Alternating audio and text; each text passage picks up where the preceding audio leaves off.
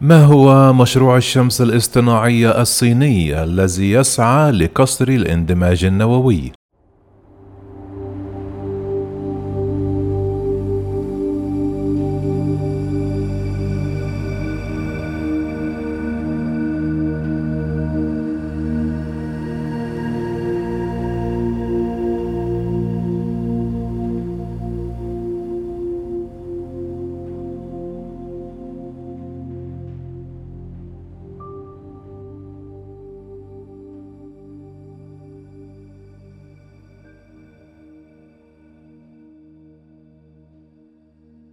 وضع علماء من الأكاديمية الصينية للعلوم علامة تعد فارقة جديدة يوم الجمعة الماضي في سعي البشرية لتحقيق طاقة نظيفة وغير محدودة.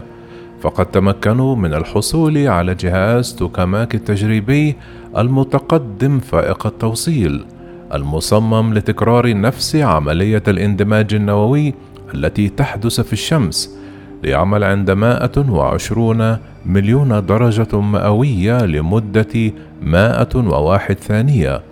وأجريت التجربة في معهد فيزياء البلازما بالصين ولكن قبلها قاموا بأول تجربة وحققوا ذروة درجة حرارة تصل إلى 160 مليون درجة مئوية لمدة 20 ثانية.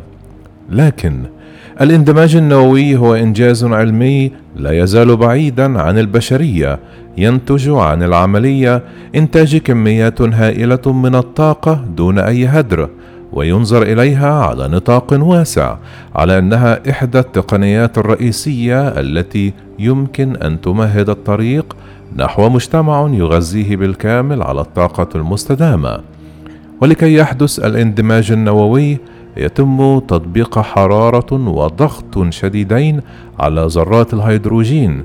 وفي ظل هذه الظروف تندمج نواة الديوتريوم والتريتيوم وهما مكونات ذرة الهيدروجين معا لإنتاج نواة الهيليوم والنيوترون وكميات هائلة من الطاقة التي يمكن تسخيرها. وفقا لبعض التقديرات يمكن أن ينتج الديوتريوم من لتر واحد من مياه البحر بطاقة تعادل 300 لتر من البنزين من خلال تفاعل الاندماج النووي. تجدر الإشارة إلى أن الاندماج النووي يختلف أيضا على الانشطار النووي الذي ينطوي على تقسيم نواة ذرة ثقيلة إلى نواة ذرة أخف وزنا أو أكثر وهي عملية تنتج كميات أكبر بكثير من النفايات النووية وتكون أكثر خطورة نسبية.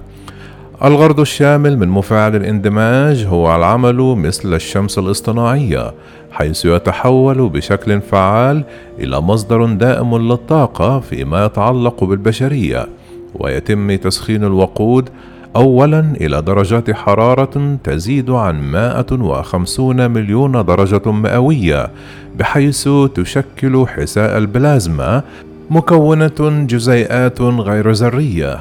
يضمن المجال المغناطيسي القوي أن هذه البلازما لا تتلامس مع جدران المفاعل لتجنب أي فقدان للطاقة ولكي يحدث تفاعل الاندماج يجب الحفاظ على البلازما في ظل هذه الظروف لفترات طويلة من الزمن. ولفهم الإنجاز الذي حققه العلماء الصينيون تقدر الإشارة إلى أن درجة الحرارة الأساسية للشمس تصل فقط إلى حوالي 15 مليون درجة مئوية أي عشرة أضعاف ما وصل إليه الصينيون حيث سجل مفاعل كيستار في كوريا الجنوبية الرقم القياسي السابق والذي وصل في عام 2020 إلى درجة حرارة تعادل 100 مليون درجة مئوية واستمر في ذلك لمدة عشرون ثانية. وعلى الرغم من ذلك فإن الحفاظ على درجة الحرارة هذه مثل الشمس هو الجزء الأصعب.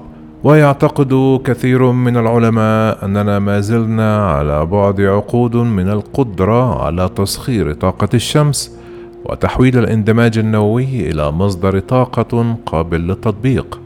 وبالرغم من أن التكنولوجيا مغرية للغاية وتدفع المرء إلى تخيل احتمالات المستقبل حيث لم تعد الطاقة موردا قابلا للنضوب إلا أنها ليست شيئا يمكننا الاعتماد عليه لحل أزمة المناخ المتزايدة. في نهاية المطاف فإن التركيز على تقنيات الطاقة النظيفة التي أثبتت جدواها هو ما يبرره لتجسيد مجتمع ما بعد الكربون بشكل واقعي.